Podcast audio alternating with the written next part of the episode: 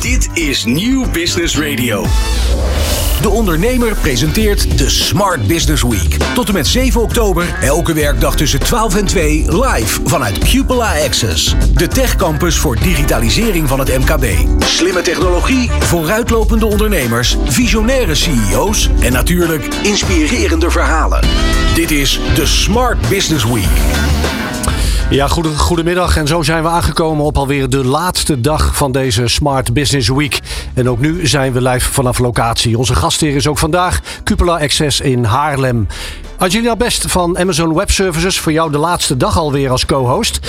Harro, voor jou de eerste dag als uh, co-host. Welkom hier ook in Cupola Access bij de Smart Business Week. Uh, Angelina, los van jouw uitstekende prestaties als co-host de Nou, afgelopen week.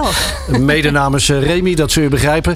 Voor ons weer even terug op het netvlies. Jouw rol binnen AWS. Ja, ik ben verantwoordelijk eh, voor het commercial segment, zoals we dat noemen, voor de Benelux, eh, maar ook de Nordics en de Baltics binnen AWS. Helder. En wij gaan jou de komende twee uur als mijn tafelvrouw en vervolgens ook de stap naar Harro, mijn tafelheer, uitgebreid horen. Want Harro, Kepler Vision Technologies, dat is jouw bedrijf. Uh, je gebruikt kunstmatige intelligentie vooral om het werk van verpleegkundigen minder stressvol te maken. Kort samengevat, nu de uitgebreide versie, Harro. Uh, Kepler is een, um, is een bedrijf inderdaad dat uh, gespecialiseerd is in computer vision en machine learning. En wij um, hebben software ontwikkeld die helpt in, om het huidige zorginfarct op te lossen. Er zijn honderdduizend open vacatures in de zorg. Die gaan nooit meer opgelost worden. En wij hebben een oplossing waarmee we met uh, artificial intelligence waken over het welzijn van ouderen. In de tweede uur praat collega Remy Gieling daar uitgebreid uh, met je over verder. Uh, voor nu op naar het eerste uur van dag 5 van deze Smart Business Week.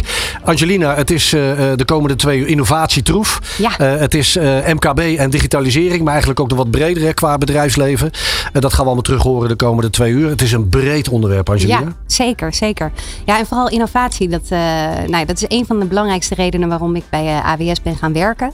Dat zit namelijk enorm in ons DNA. En ik denk dat we al een paar mooie voorbeelden deze week hebben gehoord. Hè, van wat we met machine learning kunnen doen en wat voor mooie nieuwe klantervaringen en producten je kan ontwikkelen. Maar wat ook wel heel interessant is, uh, hoe ik die innovatie binnen AWS zie terugkomen, is dat we op een hele grote schaal hele innovatieve datacenters kunnen bouwen. Wat heel veel kostenbesparingen oplevert voor de klant. Want we berekenen al die prijsvoordelen door.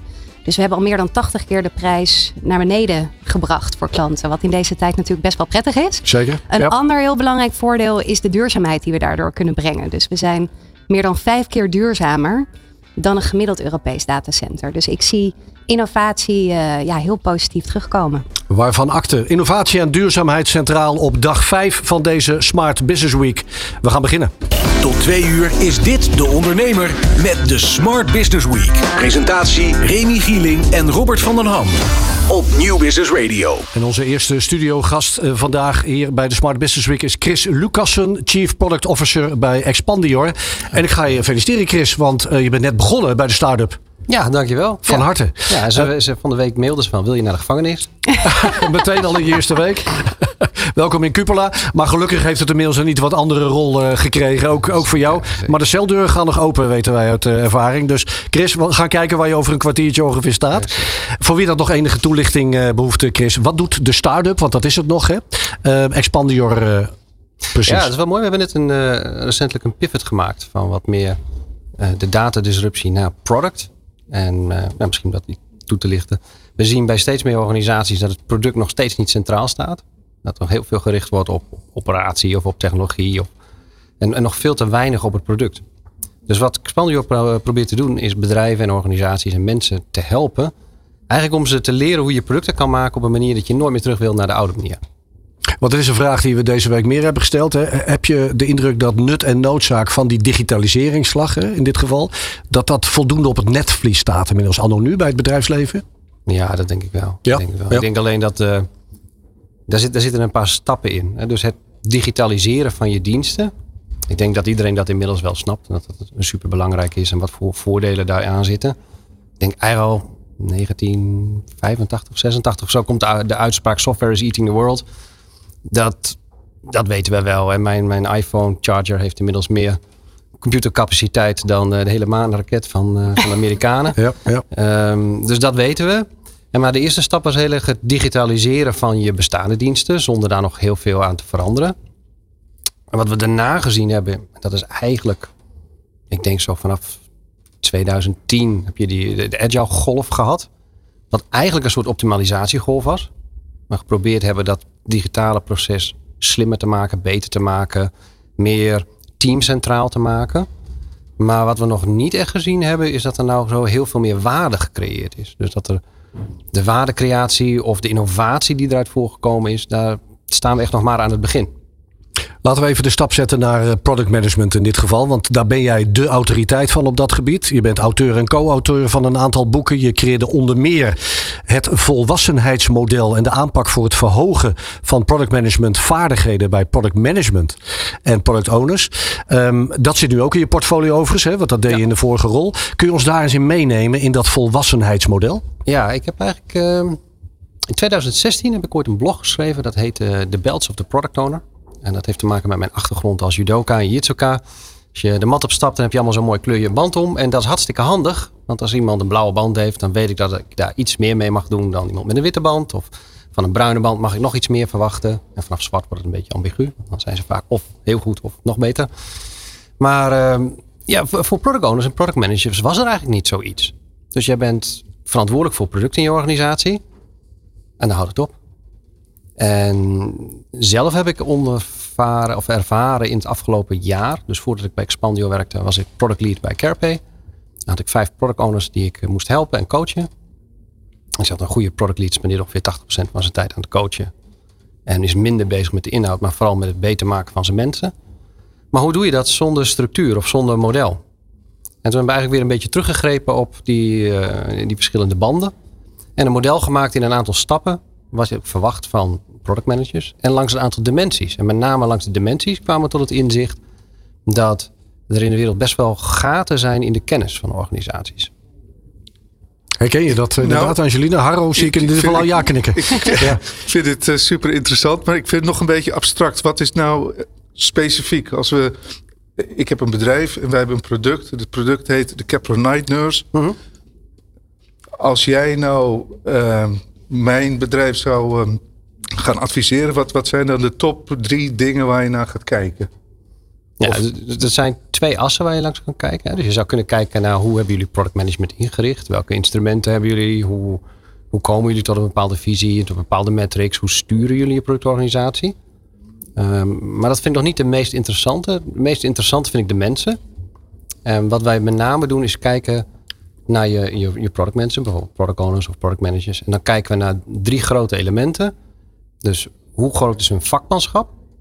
En dan kun je denken aan de proceskant van product management. Dus Agile Scrum bijvoorbeeld, wat jullie noemden, dat valt onder de proceskant. Maar ook de marketing, de supply chain management, het kunnen uh, het doen van een, een launching strategy. Ja. dus al die elementen komen daarbij kijken, maar dat is nog steeds proces. Je zou ook kunnen kijken naar de gedragscomponent. Dus hoe goed kunnen ze samenwerken, zowel intern als extern. Hoe kunnen ze allianties sluiten, hoe kunnen ze partnerwerken bouwen. Um, governance, compliance, dat zijn allemaal die vervelende stakeholders. Die, uh, mensen die daar beter in zijn, zijn effectiever in hun rol. Je zou kunnen kijken naar leiderschap, hoe neem ik mensen mee. Dus het zit allemaal nog langs de gedragscomponent.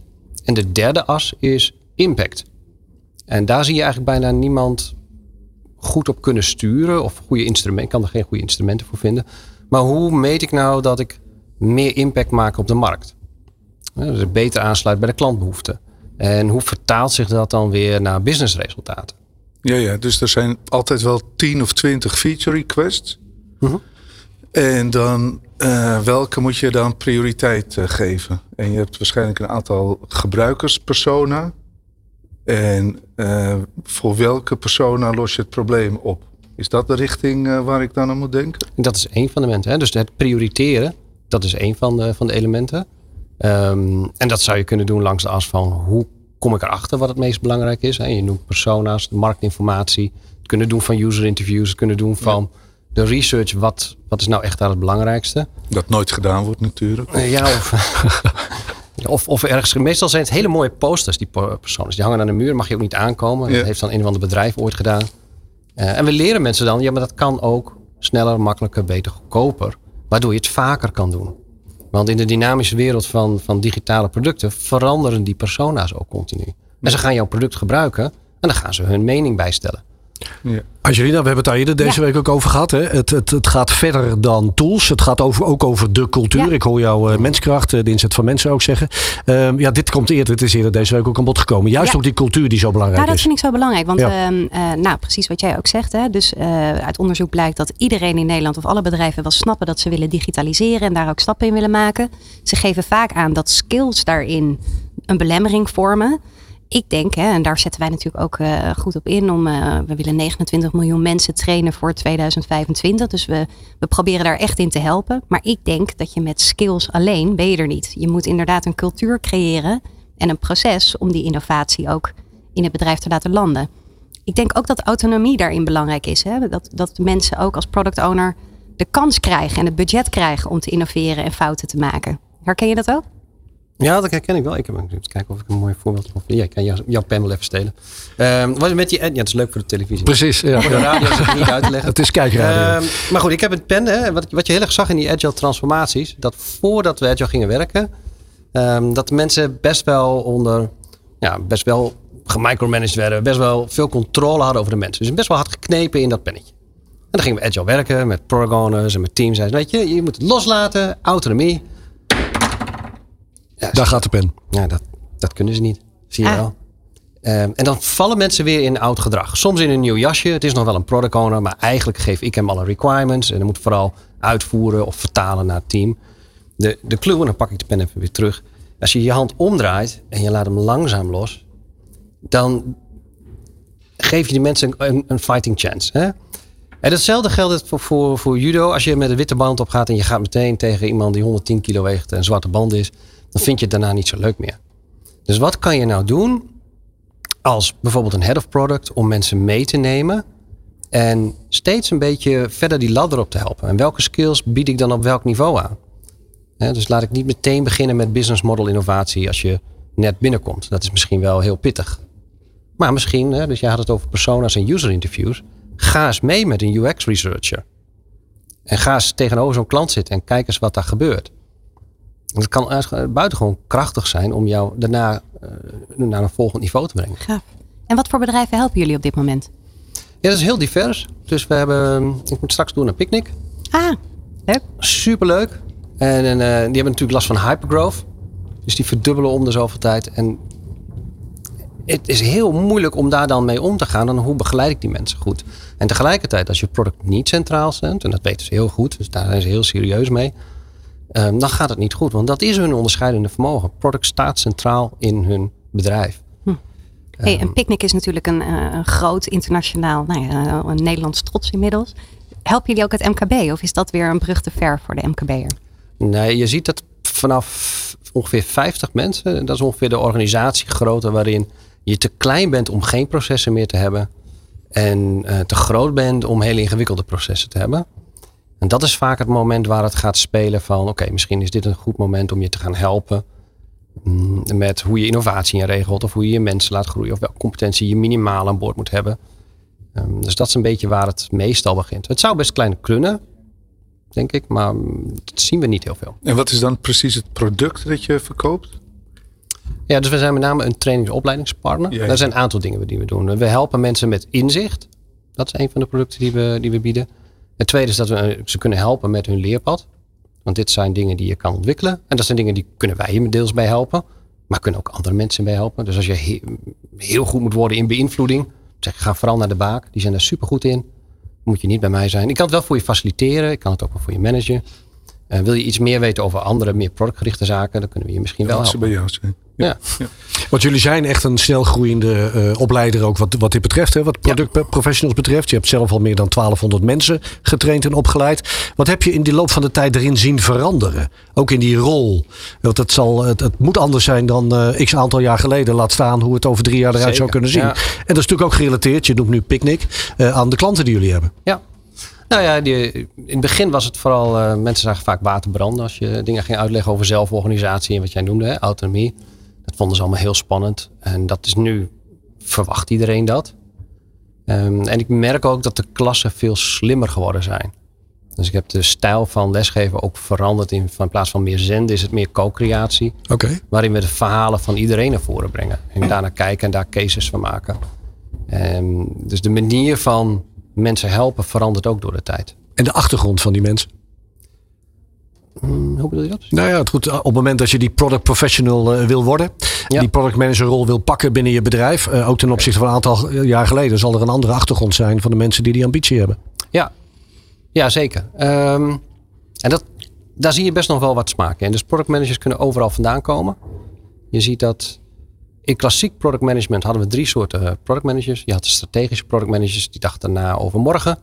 Je had de, de wat meer technische product managers, die waren bezig met het bouwen van het huidige product. En je had product marketing. En met de opkomst van Scrum hebben we gezegd, ja dat is één. Maar dat vonden we heel moeilijk. Dus eigenlijk hebben we die technische product manager product owner gemaakt. En daarmee dat Scrum concept een beetje, eigenlijk een beetje misbruikt. Want dat was niet zoals het bedoeld was. Het ding heet eigenaar en, en, niet uitvoerder. Um, dus daar zie je best wel een schuiving in. De mensen komen, ja, je wil wat zeggen. Ja, het, is de meest, het is de meest ondernemende rol in een, in een bedrijf, volgens ja. mij, product ja. owner ja. te zijn. Ja, wat, hoe, hoe is dat bij jou georganiseerd, Harro? Is dit iets wat misschien bij meerdere mensen uh, behoort? Of ligt het bij jou? Nee, of? Het, het, het, lag tot nog toe altijd bij mij. Ja. Maar ik moet het, ik heb er geen, ik heb er, ja, ik heb er weinig tijd meer voor, want wij groeien heel, heel snel. En ik moet allemaal andere dingen, moet ik me mee bezighouden. Dus ik ben uh, op zoek naar hoe ik dit, uh, hoe, ik een andere product owner uh, kan vinden in de organisatie. Angelina? Nou, wat ik ook wel een belangrijke rol vind, dat is niet zozeer de product owner, maar wel dat die product owner goed gevoed wordt. En uh, als, ik, als ik uit eigen ervaring spreek, wij hebben een heel groot bedrijf, hè, meer dan anderhalf miljoen medewerkers, maar we hebben allerlei mechanismes om constant de voice of the customer terug te geven naar boven. En dat is waar we op innoveren. Dus ik geloof dat 90% van al onze productontwikkeling komt uit die input van klanten. Dus dat, dat mis ik nog in zeg maar, de rol die je net omschrijft. Is dat zo? Oh, nou ja, ja. ja. Een researcher of een technical en een marketing. Daar hoor ik nog niet zeg maar de voice of the customer heel erg in terug. Nee, dat klopt. Uh, dat, dat, klassiek gezien zat dat heel erg bij strategisch product ah, management. Okay. Um, maar je hebt wel gelijk. Hè? Dus doordat die, het wel sneller geworden is, is dat dichter op elkaar gekomen. En het kan heel waardevol zijn om voor een product owner echt veel meer met zijn klanten te spreken. En, en die verbinding daar veel meer te zoeken. Ik vind een mooi voorbeeld. Ik heb geholpen bij Zilveren Kruis. Die maakte software voor in de ambulances. Een van de dingen die je dan bijvoorbeeld in je contracting, waar normaal een owner zich niet mee bezighoudt, maar wat in dit geval wel handig was, afspraken over kan maken, is waar houden wij sprintreviews? En in dit geval hebben we sprintreviews gehouden op de ziekenhuizen. Ja, ik dacht in de ambulance. Ik denk dat lijkt me ingewikkeld. Oh, hebben we ook gedaan. Oké, uh, okay. Maar elke twee weken gingen we ergens naar een ziekenhuis. Drukten we mensen software in de handen. Zeiden, dit hebben wij gemaakt. Wat vind je ervan? Ja. Uh, wat kan je ermee? Ja, ja. En, Super waardevol lijkt me dat. En de feedback maakte dat het werkte. En ja. dat contract zo opstellen. Dat is iets wat er niet in de Scrum training zit. En wat wel net het verschil maakt om te zorgen dat jij een effectieve product owner kan zijn. Harro, in hoeverre zet dit je aan het denken? Volgens mij, ik zie Nee, je denken ik- bijna. ik- van. Wat betekent dit voor mijn organisatiestructuur? Nee, dat, ik, dus ik, ik onderschrijf dat heel erg. Je hebt volgens Ja. mij, die Amerikanen noemen dat inside out of outside in. Dus inside out is de manier om een product te ontwikkelen. De CTO die heeft een fantastisch idee. Of de investeerder heeft een fantastisch idee. En jongens, shut up, dit gaan we maken. En dan moet je maar hopen dat, dat er in de buitenwereld mensen zijn die dat willen kopen. Alternatief is outside in. We gaan luisteren naar, naar wat, wat de klant eh, wil. We gaan dat eh, tellen van hoe vaak hebben we dat gehoord. En als we het heel vaak hebben gehoord, dan gaan we het bouwen. Dus dat is eh, volgens mij wat je net vertelde, Chris. Zeker. Ja. Ja. Chris, je nieuwe rol. Je bent net begonnen bij de start-up Expandior. Eh, we hoorden je net al iets vertellen over Picnic. Wat is nu het eerste waar jij je tanden in gaat vastbijten in je nieuwe rol nogmaals? Ja, dus dat, eh, dat, stel dat, dat, dat volwassenheidsmodel, daar, Ja. daar komt nu een, eh, een assessment aan vast. Of een scan. Dat klinkt iets vriendelijker dan assessment. Maar een soort learning scan waarmee we automatisch voor jou een rapport kunnen genereren. Om te zeggen, joh, dit zijn de gebieden waar je goed in bent. Dit zijn de gebieden waarin je nog kan ontwikkelen. Ehm, met genoeg data kan je ook zeggen, in jouw industrie is het eigenlijk gebruikelijk dat dit of dat. En dus dat geeft een interessante feedback. Daarnaast zijn we nog wat producten aan het ontwikkelen rond eh, hoe je beter om kan gaan met data als, als, een, eh, als een product manager. Want dat is ook een heel onontgonnen gebied nog. We weten allemaal dat we er iets mee moeten. Maar heel weinig mensen die passen het heel effectief toe. Nog steeds, ja. ja.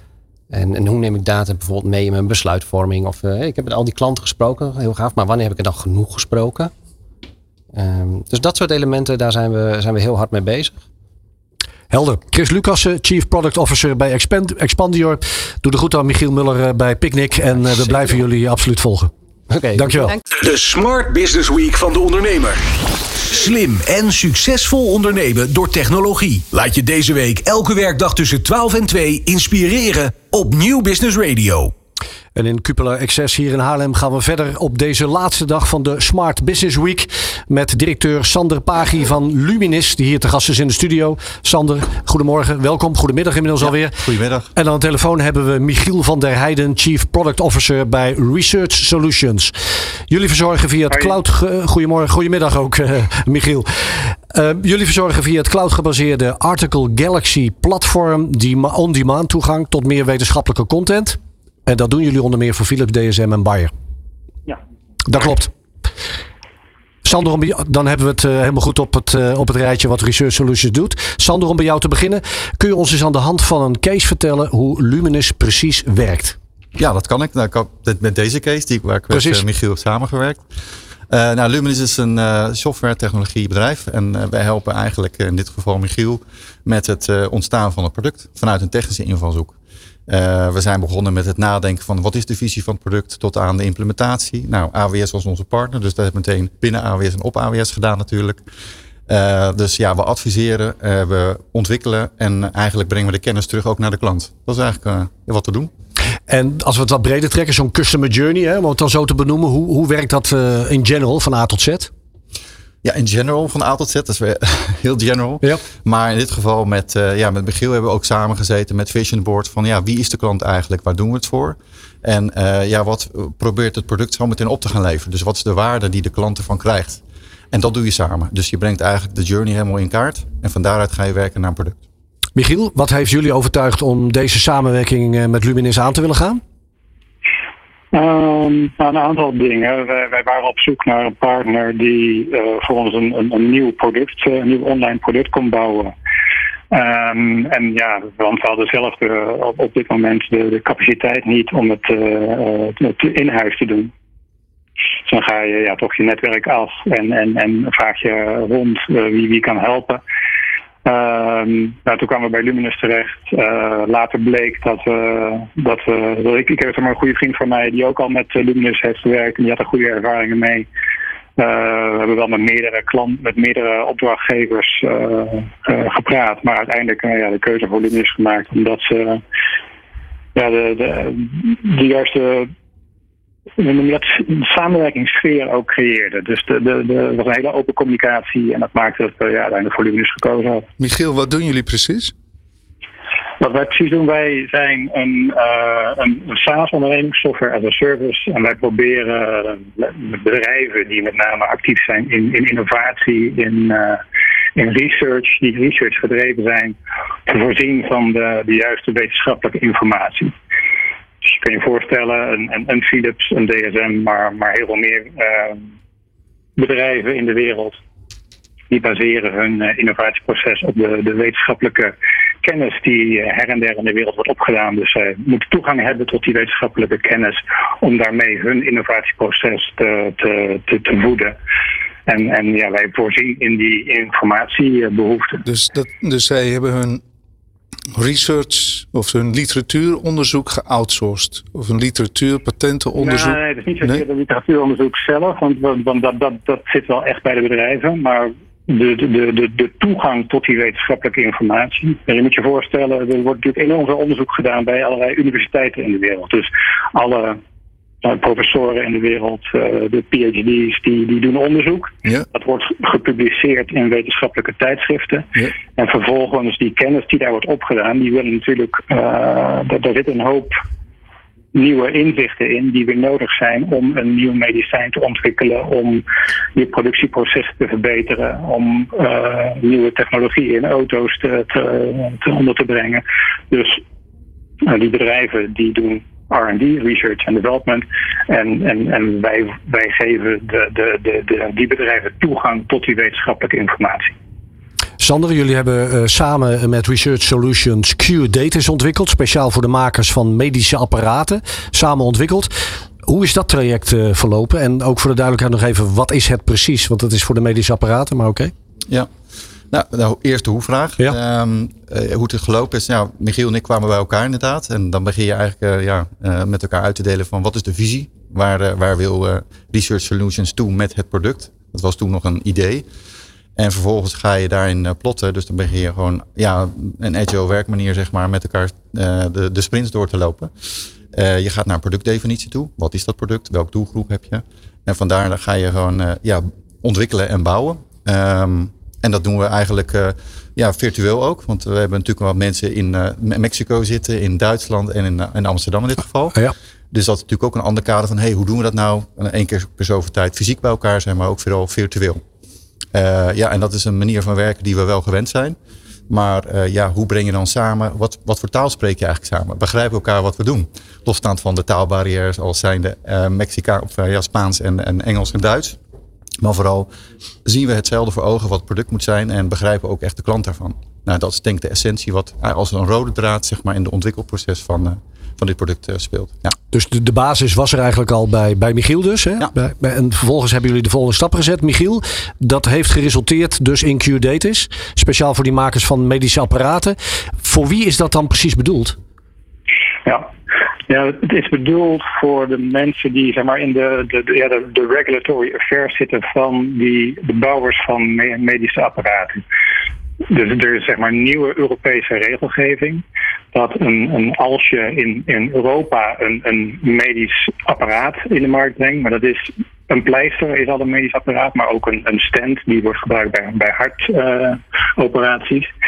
Dan moet je op de hoogte zijn van uh, als er wetenschappelijke artikels zijn die jouw uh, medisch apparaat benoemt ofwel in positieve zin ofwel in negatieve zin, om te voorkomen dat als er bijwerkingen zijn, dat mag niet meer als een, als een verrassing voor je zijn als, als bouwer van die apparaten. Dan, daar, moet je kennis van hebben genomen en je moet actie hebben ondernomen om te voorkomen dat jouw apparaat eh, negatieve gevolgen heeft voor de gebruiker daarvan.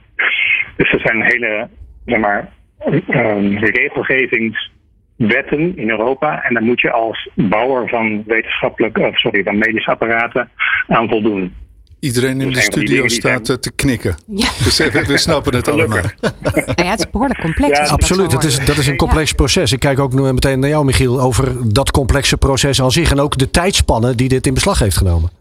Ja, nou, de complexiteit inderdaad van, uh, in, in de omgeving van uh, wat Michiel net aangaf. Ik denk als je het uh, heel plat slaat is van hoe kan je nou zeg maar zo'n zo'n tijd van onderzoek tot het product en checken verkorten. En het product is in essentie, dat hebben we geautomatiseerd.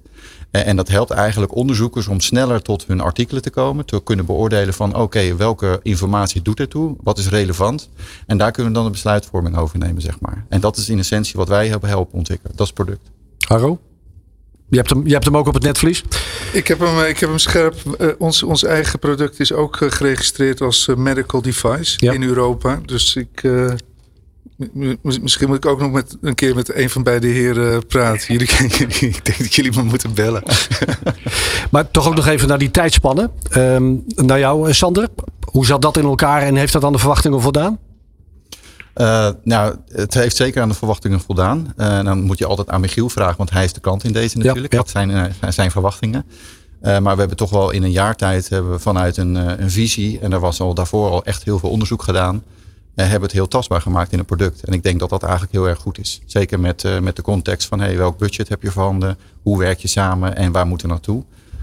ja, en dat, dat is gewoon op die manier gerealiseerd. Ja. Angelina?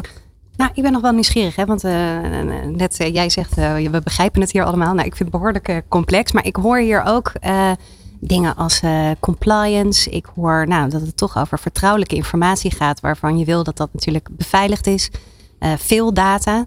Wat voor rol heeft technologie hier nou gespeeld, zeg maar, om dit allemaal te kunnen bewaken en waarborgen? Ja, nou, ik denk dat inderdaad uh, enerzijds uh, de compliance aspect is natuurlijk van waar moet je aan voldoen. Dus heb je dat dan ook zo uh, ja, ontwikkeld en kan je voldoen aan de wetgeving dat je kan aantonen van op deze manier hebben we het gedaan.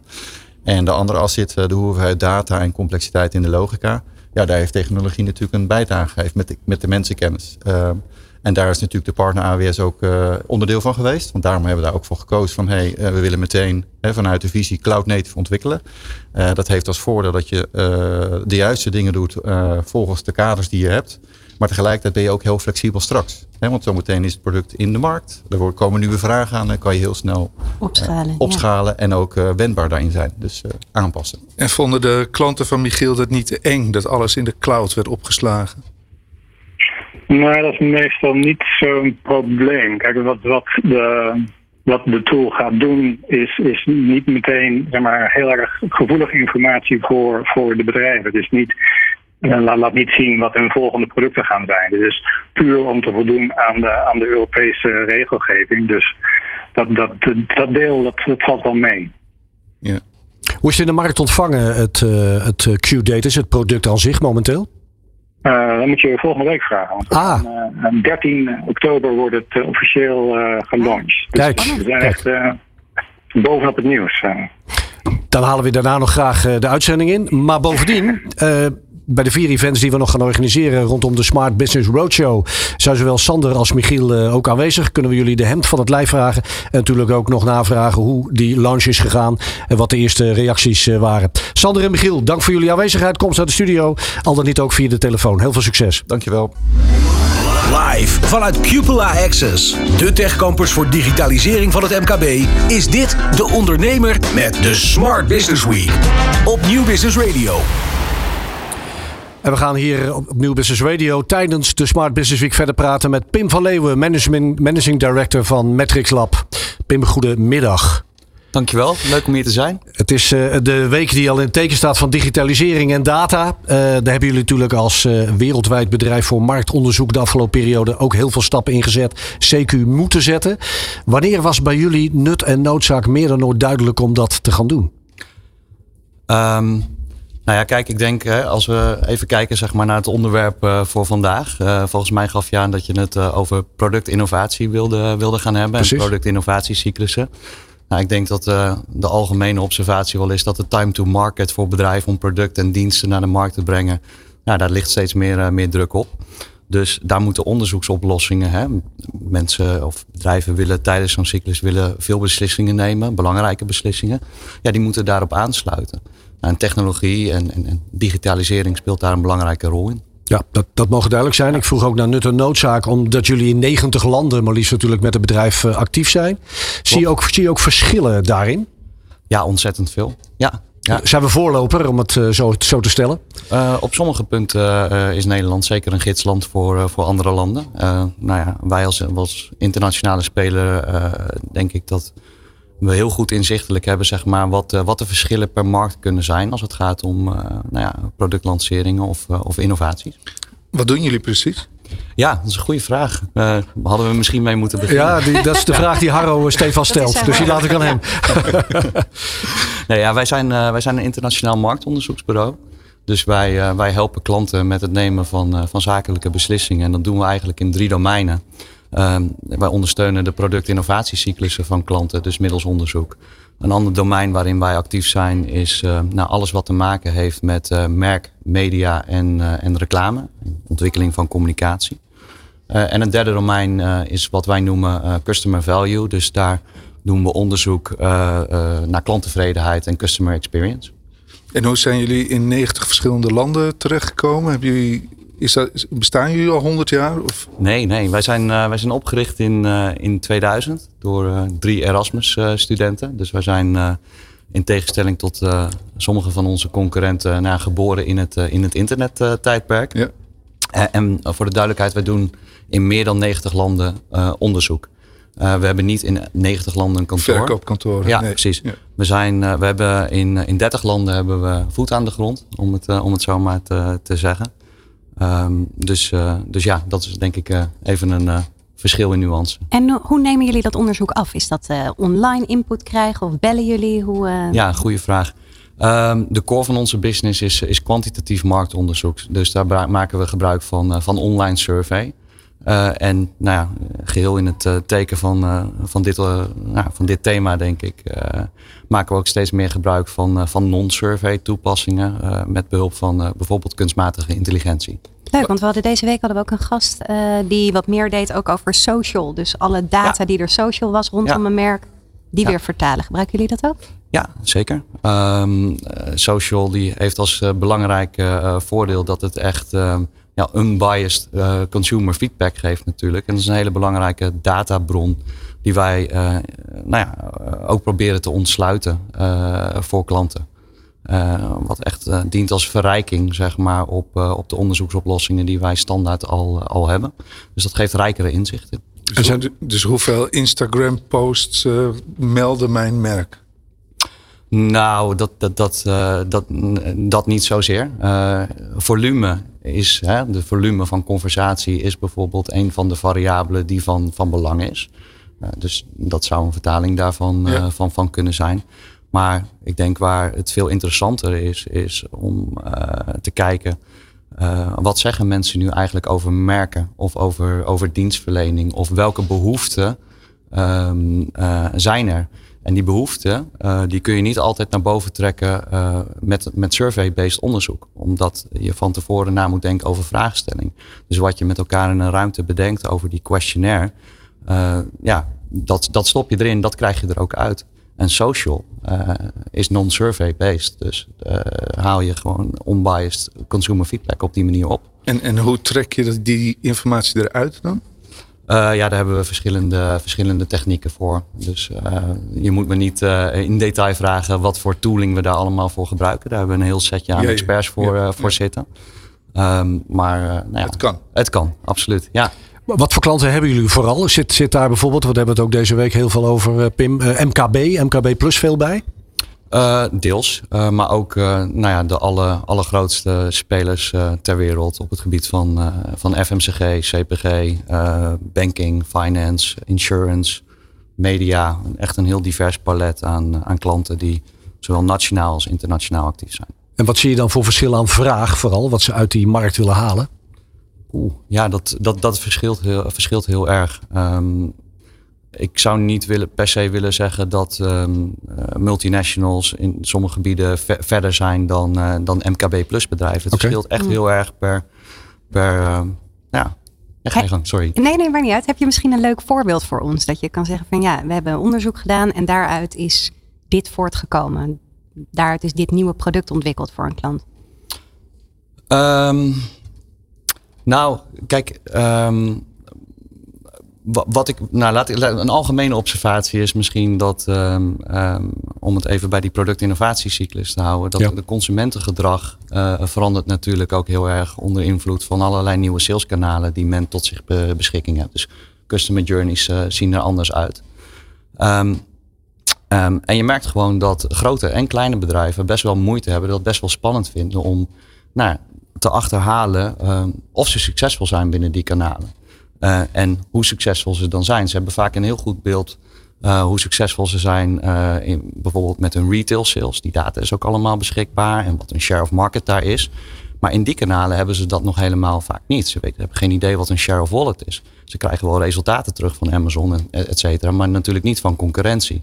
Nou, dat soort inzichten um, ja, helpt onze klanten enorm. En dat, dat proberen we te vatten in onderzoek. En daar passen zij hun uh, go-to-market weer op aan? Daar passen zij hun go-to-market op aan. Daar passen zij hun, hun marketingstrategieën op aan. Hun uh, nou ja, uh, spreiding van, van budgetten die ze daarvoor ter beschikking hebben. Ja.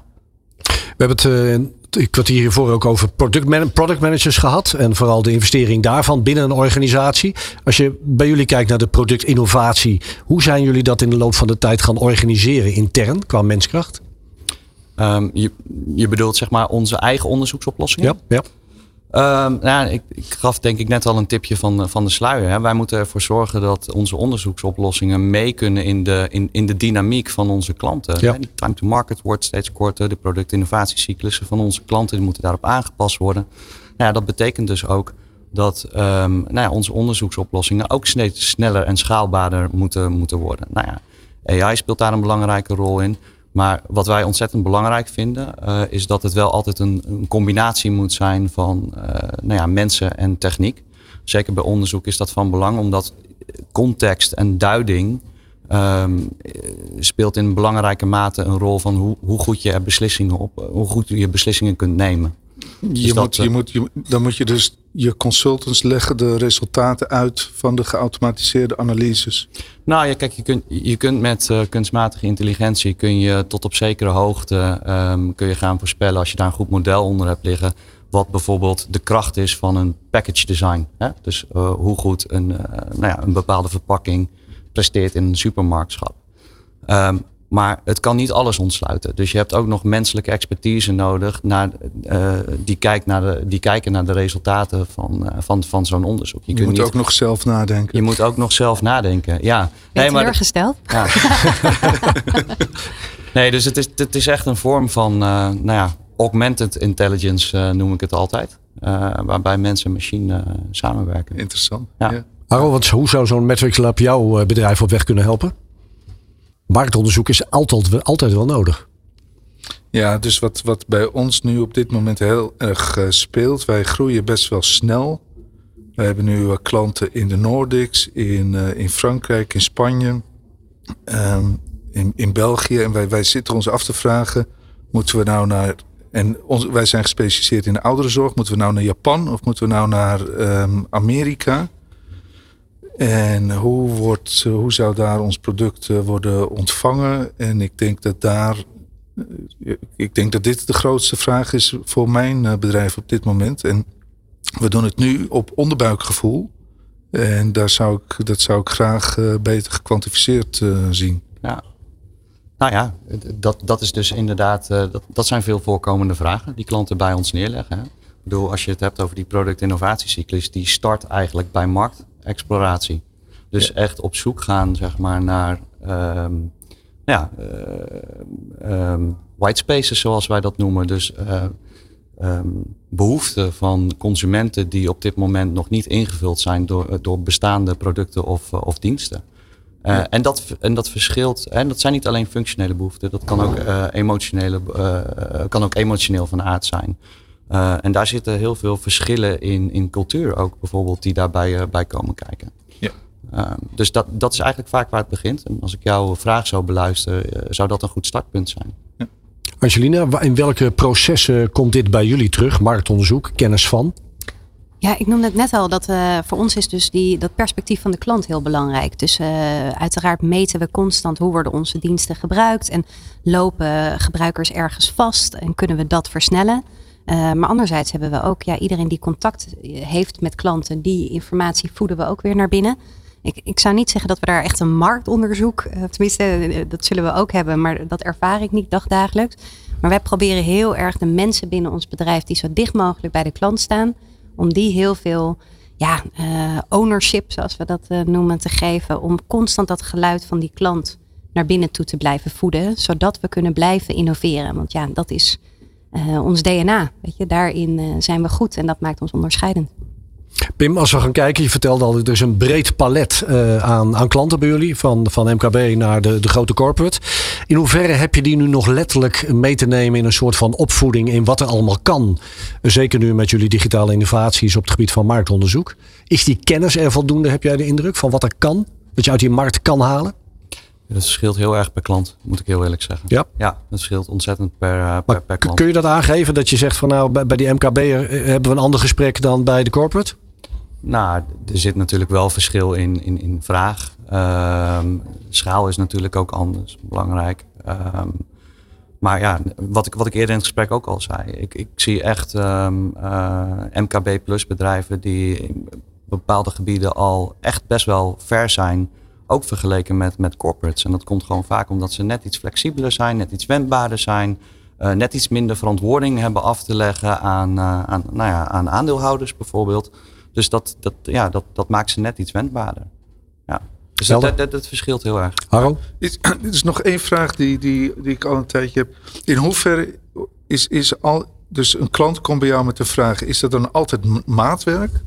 Of kan je, kan je gewoon uit een, een lijst van standaard um, tooling of, of, standaard applicaties kiezen en daarop de knop drukken en dan een rapport genereren? Um, beide. Ehm, het, hangt heel erg af van de vraag. Als, je, als het een, uh, een, snelle tactische beslissing ehm, is die je moet gaan nemen en je wil dat data gedreven doen, dan is het in een aantal gevallen zo dat wij natuurlijk gewoon daar standaard oplossingen voor hebben. Dat moet ook zo zijn, omdat je dat vaak repetitief doet en dat moet ook vergelijkbaar zijn. Ja, ja, ja. Uh, maar de meer... je wilt een trend kunnen herkennen waarschijnlijk. Precies. Het, uh, daar, daar heb je vaak KPI's voor die, die, die, die, terugkomen in meerdere onderzoeken over meerdere categorieën heen voor meerdere klanten. Dat is ook de manier waarop je kunt benchmarken of je succesvol bent, ja of nee bijvoorbeeld. Um, we doen ook echt custom onderzoeken. En uh, dat zijn vaak meer de, de, de, meer strategische onderzoeken. Dus denk daarbij aan nou, UA-studies. Dus echt het marktexploratiestuk. Hè. Wat zijn white spaces? Wat zijn, wat zijn behoeften die nog niet ingevuld zijn? Um, dat, nou ja, dat, eh, dat zijn vaak wat, wat meer strategisch per definitie niet te automatiseren natuurlijk. Nee, want dat is heel erg klant- en categorie-specifiek. Eh, uh, uh, je gaat echt op zoek uh, voor klanten. Nou ja, waar moet ik spelen en, en hoe kan ik winnen? Ja. Dankjewel. Pim van Leeuwen, Managing Director van Matrix Lab. Dank voor je komst hier naar Haarlem, naar Cupula Access. Ja, super. Tot twee uur is dit De Ondernemer met de Smart Business Week. Presentatie Remy Gieling en Robert van den Ham. Op Nieuw Business Radio. En zo gaan we richting het einde van het eerste uren van deze laatste dag van de Smart Business Week hier in Cupola Access in Haarlem. Uh, Harro, ik zag je een paar keer uh, denken en ook uh, heel goed interveneren in de interviews die we hadden. Los van heel goed willen begrijpen wat iedereen nu precies doet in deze digitale wereld. Het ook wel nadenken, want ondernemer puur zang, de kansen die je ziet voor je eigen bedrijf. Zet het je in die zin al aan denken dit eerste uur? Ik zie je wederom denken. ja, nee, ik, ik, ik, dacht, ik ben hier te gast en laat ik gewoon even heel goed mijn best doen om te begrijpen wat, eh, wat, wat, wat de gasten precies uh, doen. En natuurlijk heeft dit was natuurlijk allemaal met name gericht op product management en met marktonderzoek. En dat is voor ons bedrijf natuurlijk super relevant. Ik had een beetje met, met alle, alle drie uh, services, alle, alle drie consultancy gebaseerd op wat, uh, wat, wat ja, op, op, op software. En dat is uh, goed natuurlijk, omdat het best wel specifiek is. Het is natuurlijk lastig te automatiseren. Maar ik had ook het idee dat het best wel. het klinkt best wel duur allemaal. maar als je dat zegt, zie ik bijna van als in niet direct noodzakelijk misschien. Nou, dat moet dan. dat, ik moet dat dan gaan budgetteren voor 2023 en met de aandeelhouders uh, gaan, uh, gaan, uh, gaan, gaan bevechten. Ja, ja, tot, tot, nog toe, tot, tot, nog toe doen wij veel van dit zelf. Maar denk je ook niet dat er heel veel kosten te winnen zijn op het moment? Stel nou, je doet goed marktonderzoek. Ja, ja, ja nee, absoluut. Je maakt minder dat fouten. Ze het veel beter doen dan, dan, dan wat wij zelf. op onderbuik. Ja, op onderbuik denken. Ja. ja. Maar kan dit ook dan nog de fase zijn van je bedrijf waar je nu in zit en dat het wellicht in de toekomst? Want je groeit. Absoluut. Precies. Absoluut. En dan. Ja, dit, dit, dit is natuurlijk uh, de, de weg naartoe. Maar kijk, wij zijn nu, we hebben nu 20 man uh, personeel. En een van de gasten zei, nou, dit begint uh, interessant te worden vanaf 50. Nou, ik denk dat dat wel zo is. Ja. Laat ik je dan nu de vraag stellen die jij eh, net al stelde aan de gasten. Dan kan Remy hem in het tweede uur eh, verder eh, invullen. Wat je precies met Kepler Vision Technologies dan doet. Ja, dus wij zijn een AI-bedrijf. En in 2012 is er een doorbraak geweest op het gebied van AI. Toen zijn Deep Convolutional Neural Networks uitgevonden. Die bestonden al heel lang, maar die begonnen uiteindelijk te doen. En wat kan je daar nou mee? Daarmee kan je in een video of in een foto software kan in een video of in een foto kijken en herkennen wat erin gebeurt. Veel beter dan dat je dat als mens doet. En wat, wat nieuw is dat menselijke activiteiten herkend kunnen worden. Dus, dus sta ik of zit ik of lig ik. En ook wat heb ik in mijn hand? Heb ik een sigaret in mijn hand? Of heb ik een lepel of een, of, of, of een joint in mijn hand? Uh, lig ik op de grond of lig ik op bed of lig ik op de bank? Dus in context allemaal. Dus dat, dat is de oplossing. En aan de andere kant is een heel groot probleem en dat is het zorginfarct. Honderdduizend vacatures. Wordt alleen maar erger. Eh, de vraag naar zorg neemt 6% eh, jaar op jaar toe. Komende vijf jaar gaat 25% van alle zorgverleners die gaan met pensioen. Het probleem is niet op te lossen.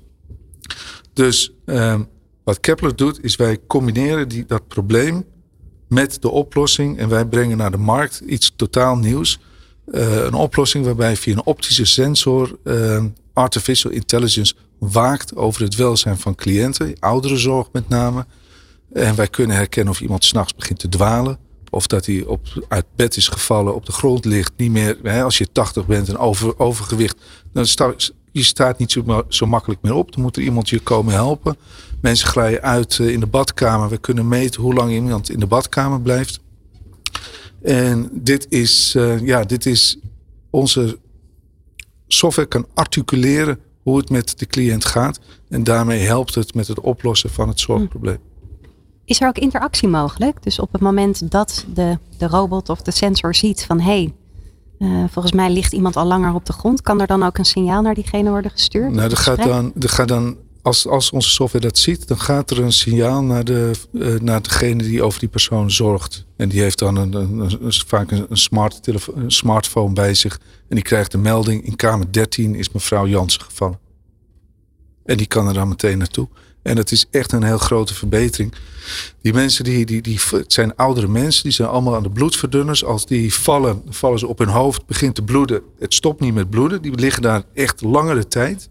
En uh, onze software die lost dat gewoon echt meteen op. Ja, geniaal. Uh, vanuit dat perspectief. Maar ja. ik denk ook voor de efficiëntie van de zorgmedewerker, die, uh, waar we inderdaad niet genoeg van hebben. Ja, ja, en het is niet zozeer dat we proberen de, de efficiëntie te verbeteren. Dat doen we natuurlijk stiekem wel. Uh, maar wij uh, helpen om hetzelfde aantal mensen uh, te verzorgen, terwijl je steeds minder personeel hebt. Personeel is er niet. Dus, het, ja. dus die kan waardevoller worden ingezet. Ja, en, en, en, en zinniger ook. Dus het onnodige herhaalwerk uh, wordt, halen we eruit. Leuk. Helder, daar gaan we twee uur met Remy Gieling uitgebreid verder over praten. Wat ik mooi vind, Harro, is dat je al die technologie juist koppelt aan de problemen in de medische wereld, in de zorg. Missie dus. Tweede uur daar, daar meer over. Natuurlijk ook dan Angelina co-host hier bij de Smart Business Week. Het laatste uur. Zo dadelijk hier live vanuit Cupola Access in Haarlem met Remy Gieling. Dit is de Smart Business Week van de ondernemer op Nieuw Business Radio. In samenwerking met Amazon Web Services en Intel.